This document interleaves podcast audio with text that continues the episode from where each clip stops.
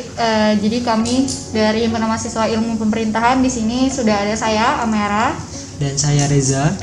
Ya baik, jadi di sini telah hadir eh, dosen ilmu pemerintahan Fakultas Ilmu Sosial dan Ilmu Politik dari Universitas Muhammad Warman, sekaligus juga pengamat kebijakan eh, pemerintahan seperti itu. Eh, yang bernama Mungkin Bapak bisa memperkenalkan diri secara langsung. Baik, nama saya Budiman. Kebetulan saya adalah dosen ilmu pemerintahan sejak tahun 2005 sampai sekarang.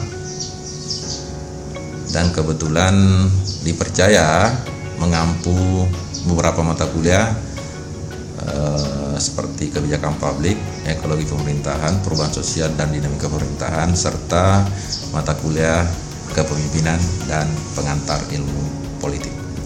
Ya untuk mempersingkat waktu mungkin kita langsung masuk ke dalam tema atau pembahasan kita kali ini aja kali ya. Benar. Nah, pembahasan kita kali ini apa Mbak Amera?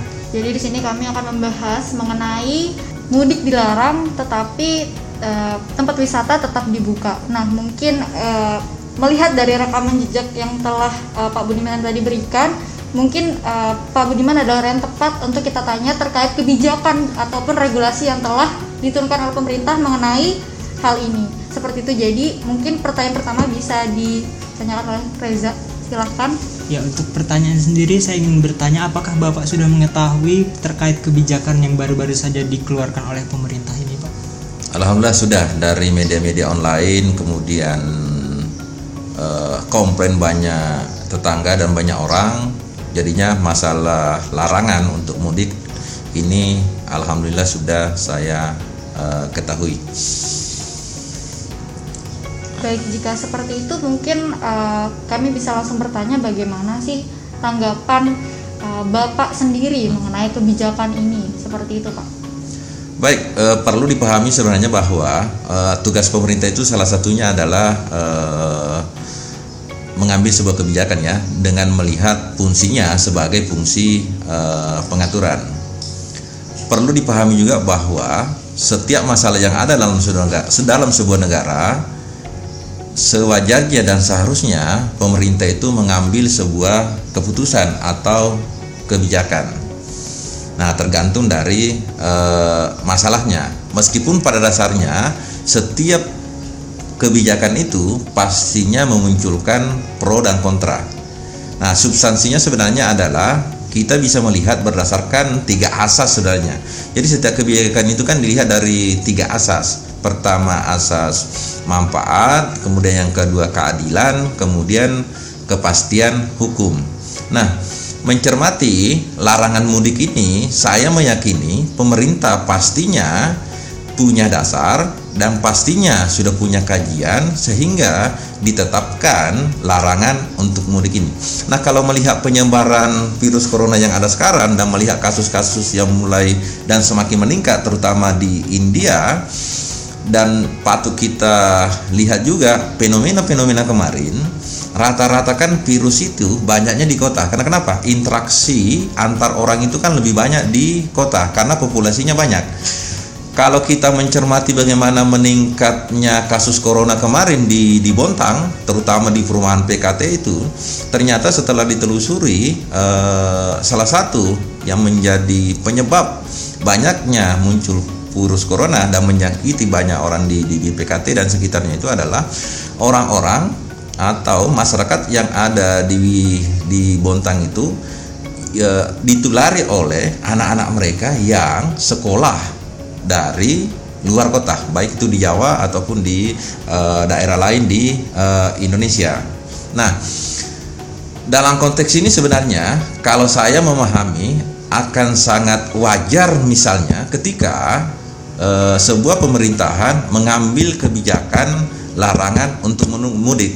Satu pastinya mungkin bisa dilihat dari asas manfaatnya. Kan kita lihat dari sisi populasi tadi ya dan uh, kasus kasus yang banyak e, menimpa e, masyarakat itu kita kan lihat dari, dari dari kotanya.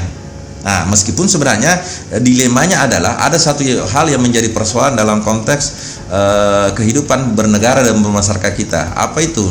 Antara masalah dan kebiasaan. atau lebih jelasnya begini antara pengambilan keputusan yang pastinya akan bertentangan dengan kebiasaan masyarakat. Nah, kebiasaan masyarakat ini dalam hal ini mudik atau mungkin sebenarnya sudah bukan menjadi sebuah kebiasaan, itu sudah menjadi budaya masyarakat Indonesia yang merantau untuk uh, mudik. Nah, kalau kita melihat dalam konteks ini ada ada dua sisi yang uh, bertentangan pastinya. Bertentangan dalam artian apa? Uh, pemerintah menginginkan bagaimana corona ini, COVID-19 ini tidak menyebar ke masyarakat desa. Kemudian uh, dari sisi lain kita bisa melihat ya kalau ada larangan, maka otomatis itu bertentangan dengan kebiasaan masyarakat atau yang menjadi sudah menjadi budaya dari masyarakat untuk melakukan mudik. Nah, kalau dalam konteks ini biasanya pengambilan pengambilan keputusan, pengambilan kebijakan itu pastinya ya, pastinya akan berpedoman pada tiga asas ini tadi. Kalau saya sih melihat dari sisi eh, manfaatnya dalam artian begini. Pilih mana eh, pulang pulang kampung atau mudik eh, penyebaran virus semakin bertambah kemudian atau eh, tidak pulang virus bisa tercegah di desa. Klasternya bisa bisa bisa berkurang atau di situ-situ aja. Atau bahkan kalau kita melihat dalam konteks uh, Samarinda sebenarnya atau Kalimantan Timur ini kan sudah mulai banyak berubah ini. Dari merah jadi hijau.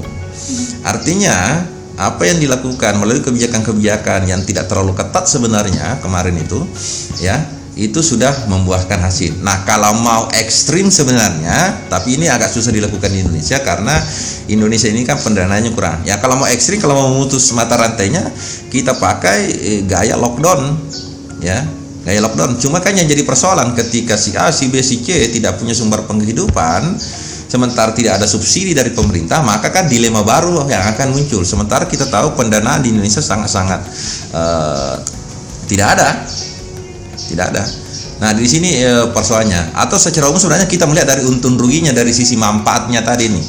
Lebih untung mana kalau misalnya dilarang mudik atau mudik tetap di uh, berlakukan atau diizinkan? Nah kalau saya melihat pastinya pemerintah sudah melihat itu dengan belajar dari pengalaman-pengalaman yang lalu yang menyebarkan virus itu dari mana? Dari luar negeri ke Indonesia atau dari kota di Indonesia ke desa-desa atau orang yang sering e, bepergian. Nah, kita melihat orang kota rata-rata kan frekuensi perjalanannya kan sangat-sangat tinggi. Beda kalau di, di kampung populasinya rendah terus apa?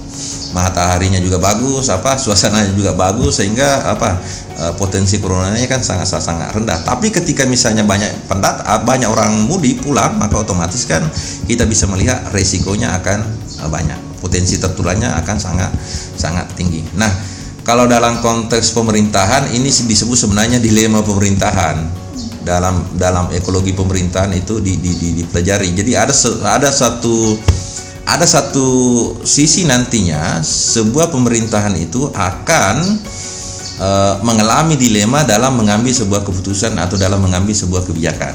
Nah, dalam konteks ini maka harus dituntut pemerintahnya untuk bisa melihat yang mana lebih menguntungkan, maka kebijakan itulah yang harus e, diambil. Ya, mungkin itu dari saya berkaitan dengan e, pertanyaan tadi. Iya Bapak. Jadi mungkin bisa kita tangkap hmm. penjelasan dari Bapak itu peraturan dari pemerintah ini kebijakan yang dikeluarkan merupakan tindakan preventif atau pencegahan ya, dari pemerintah betul. sendiri untuk melindungi masyarakat. Ya. Ya. Cuma perlindungan itu kan terkadang apa sih? Terkadang e, tergantung dari sudut pandang kita. Nah, apalagi kalau persoalan rindu, rindu kan bisa mengalahkan segalanya. Benar. Nah, ya.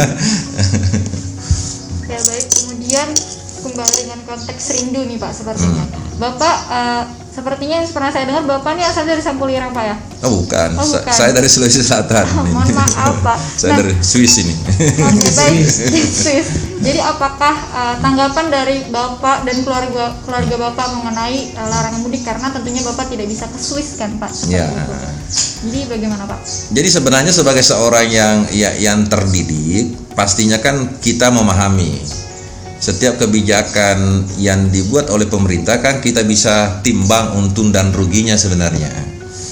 Apalagi kan dalam konteks sekarang secara pribadi sebenarnya eh, teknologi sangat membantu kita untuk tidak pulang sebenarnya melalui video call dan lain-lain. Jadi eh, saya memandang dengan kebijakan-kebijakan yang ada, justru kalau saya pulang bisa jadi kan eh, tidak ada yang bisa menduga, tidak ada yang bisa menebak dalam proses perjalanan saya dari dari Samarinda bisa melewati Balikpapan, kemudian melewati Makassar, melewati Maros, melewati Baru, melewati Sidrap, kemudian baru bisa sampai ke kampung saya di Wajo sana, ya tidak ada virus yang menyerang saya dan keluarga saya. Apalagi kan kita bisa melihat uh, kondisinya selama ini rata-rata orang yang kena itu adalah orang yang melakukan perjalanan uh, panjang. Apakah karena capek, apa karena lelah, imunnya rendah, maka gampang sekali terserang uh, itu. Makanya sebagai orang yang terdidik sebenarnya kami saya pribadi bersama keluarga memaklumi keputusan itu. Ya tinggal berdoa mudah-mudahan eh, tahun depan eh, pandemi segera berakhir, pandemi segera berakhir dan kita bisa eh, pulang kampung bersama keluarga ya melepas rindu. Dalam konteks sekarang untuk eh, awal setidaknya kan bisa melalui uh, hubungan uh, telekomunikasi. Kita manfaatkan uh, teknologi bisa video call. Ya mungkin itu. Ya, baik, eh, mengutip dari kalimat yang Bapak tadi berikan bahwa ini tuh salah satu tindakan yang memang menurut saya Amera eh, menjadi suatu hal yang harus kita ikuti juga gitu. Bukan hanya karena kita hanya orang terdidik tapi kita selaku masyarakat Indonesia harusnya memang mengikuti setiap peraturan atau pengaturan yang diluar, yang dikeluarkan oleh pemerintah. meskipun anu ya kalau menurut saya tanggung sebenarnya kalau mau mutus ran- mata rantai lockdown total kalau menurut saya Benar. Jadi eh, apa ya eh, kebijakan larangan mudik ini meskipun adalah sebagai sebuah kebijakan eh, yang saya yakini dengan mempertimbangkan apa eh, sumber-sumber pendapatan yang pastinya akan terputus dari berbagai elemen masyarakat ya kalau kita mau ekstrim sebenarnya kalau mau memutus mata rantainya ya lockdown Benar. ya lockdown tapi kita memaklumi dengan lockdown ini apakah pemerintah punya sumber pendanaan apakah masyarakat eh, punya investasi atau tabungan kalau diberlakukan eh, lockdown total itu. Ya ini kan jadi persoalan apa eh, mendasar sebenarnya negara kita yang serba kekurangan. Tapi setidaknya dengan larangan mudik ini ah, itu adalah langkah eh, preventif yang seperti Reja tadi bahasakan. Daripada tidak berbuat ya ada ada ada ada ada kebijakan meskipun menurut saya eh, tanggung sebenarnya.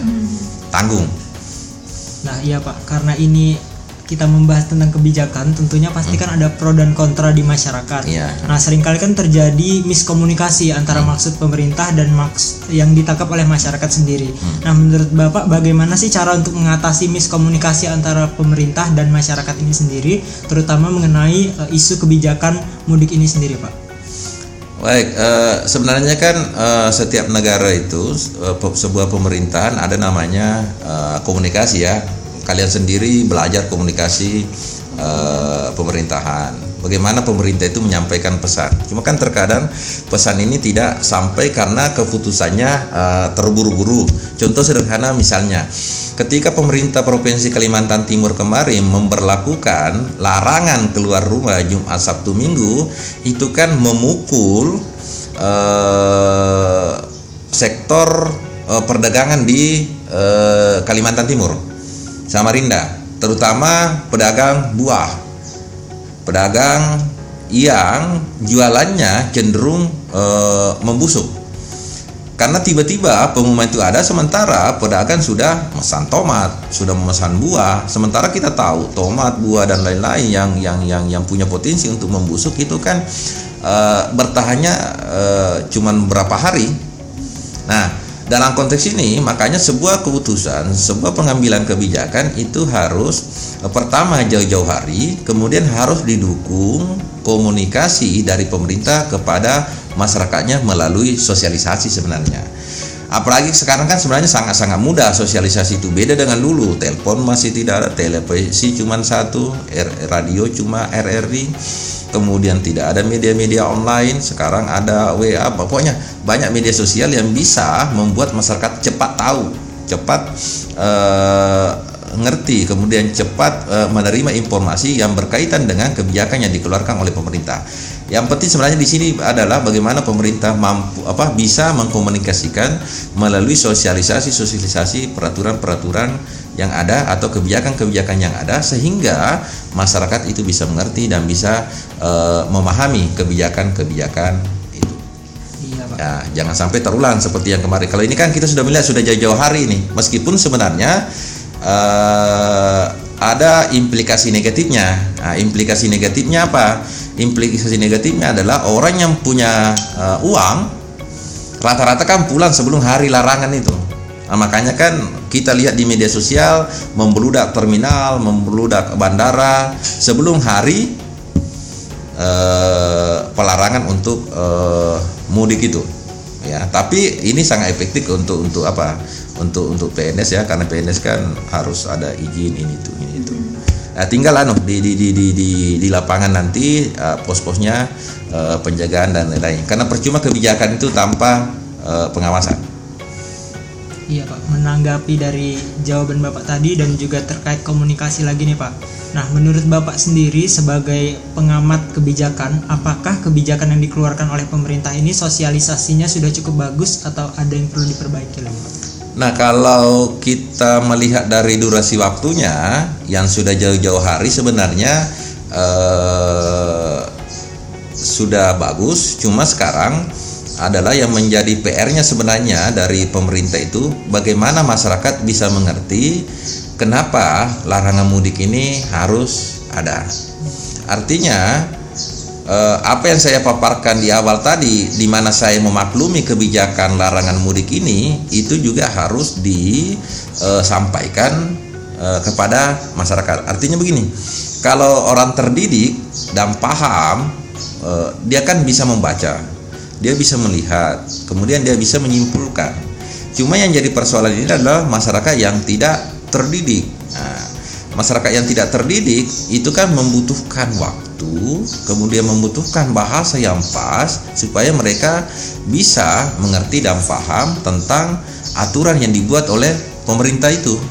Nah, di sini PR-nya pemerintah. Olehnya itu sebenarnya pemerintah harus e, bekerja keras, e, kemudian menggandeng banyak elemen masyarakat atau organisasi-organisasi dalam masyarakat untuk e, membantu pemerintah dalam melakukan e, sosialisasi kebijakan dengan memperlihatkan atau memaparkan apa sih untung dan ruginya kebijakan ini e, dijalankan? Atau kenapa sih kebijakan ini e, dibuat? Atau apa yang melatar belakangi e, kebijakan ini dibuat?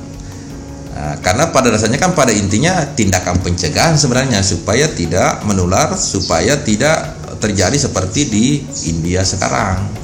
Ya jangan sampai Indonesia seperti India e, kedua ya meskipun tanggung ya kalau menurut saya. Kebijakannya ini. Sudah tidak tegas apalagi kan eh, yang tadi yang dipermasalahkan orang sekarang ya sehubungan dengan pertanyaan tadi selanjutnya.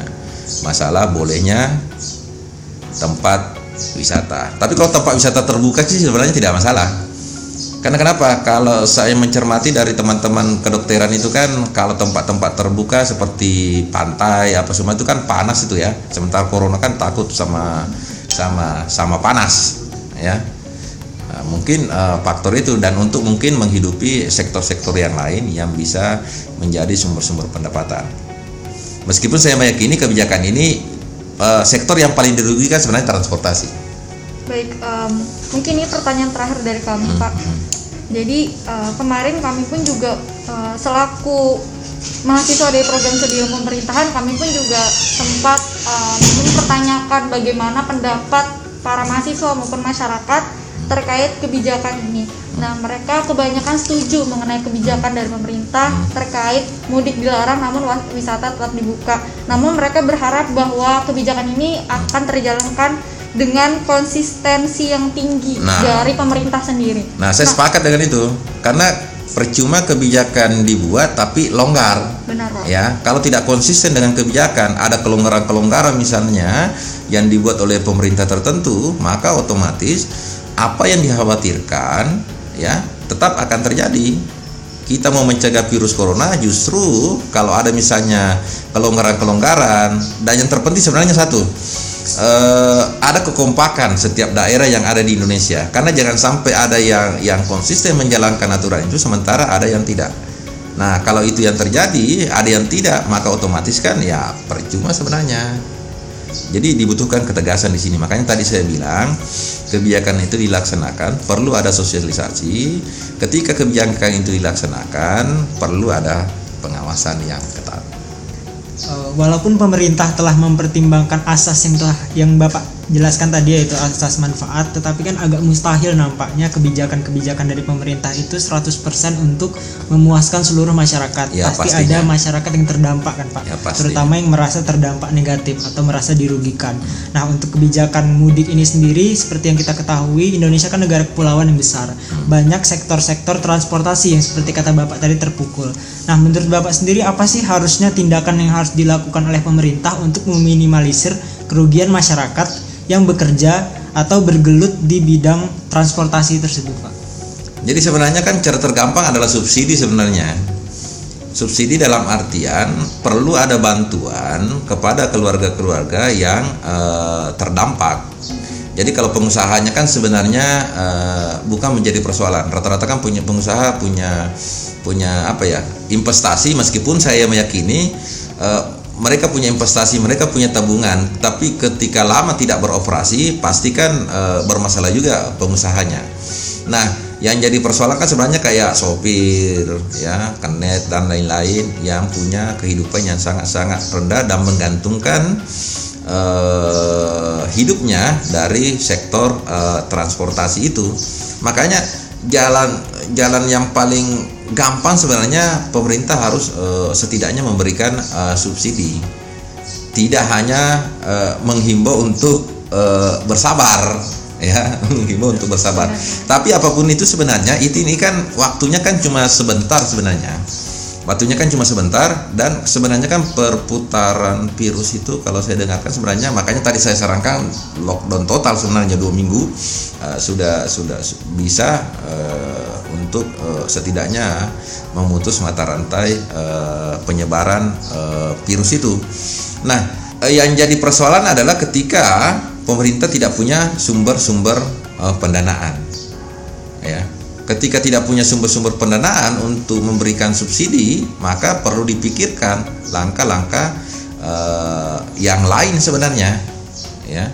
Nah langkah-langkah yang lain itu sebenarnya ya tinggal bagaimana masyarakat Indonesia ini kan masyarakat yang apa yang toleransinya sangat sangat tinggi ya. Budaya gotong royong budaya saling membantunya sangat sangat sangat tinggi yang mudah-mudahan dari elemen masyarakat yang ada yang mampu kalaupun misalnya pemerintah tidak bisa setidaknya pemerintah bisa menghimbau kepada yang mampu untuk bisa eh, membantu eh, orang-orang atau masyarakat yang eh, terdampak. Minimal minimal sebenarnya yang paling dibutuhkan karena musim panen orang-orang yang berjuang di sektor transportasi kan ketika menjelang lebaran Artinya sumber pendapatannya tinggi ketika frekuensi orang mudik, maka otomatis frekuensi mereka ngangkut orang itu kan sangat-sangat tinggi juga. Artinya pendapatan akan eh, meningkat juga. Ya. Nah, nah dalam konteks ini ya dibutuhkan ya kearifan dari pemerintah dalam pemberian subsidi atau bantuan-bantuan yang sifatnya tunai yang bisa membantu mereka. Artinya begini. Ini kan kita sudah bisa eh, meng mengidentifikasi siapa yang terdampak. Nah, kalau kita melihat yang terdampak kan yang dari yang paling terpukul adalah sektor transportasi. Itu kan apa ya? Populasinya kan sedikit sebenarnya. Selama ini kan pemerintah misalnya memberikan bantuan langsung tunai eh, dalam sektor apa di dari eh, kemarin-kemarin. Nah, seharusnya ya eh, kalau kemarin kan mungkin hanya penduduk yang miskin ini itu. Nah, yang terdampak ini setidaknya bisa dikasih atau dibantu bantuan langsung tunai setidaknya mereka bisa eh, berlebaran di, di, di, di rumah masing-masing eh, dengan adanya bantuan dari eh, pemerintah itu Ya itu dia bincang-bincang kami bersama narasumber yang luar biasa pada hari ini. Bagaimana Mbak Amira? Apakah sudah cukup jelas penjelasannya? Kalau dari saya sangat jelas dari Pak Budiman. Terima kasih banyak Pak. Siap, terima kasih. Karena telah ikut membantu saya maupun Reza maupun seluruh mahasiswa yang ada di Indonesia ini. Pertanyaan bagaimana kami menyambungkan antara kesalahpahaman yang mungkin terjadi antara masyarakat dan pemerintah seperti itu. Ya mungkin sekian sesi iPod kita pada hari ini. Terima kasih banyak untuk seluruh para pendengar.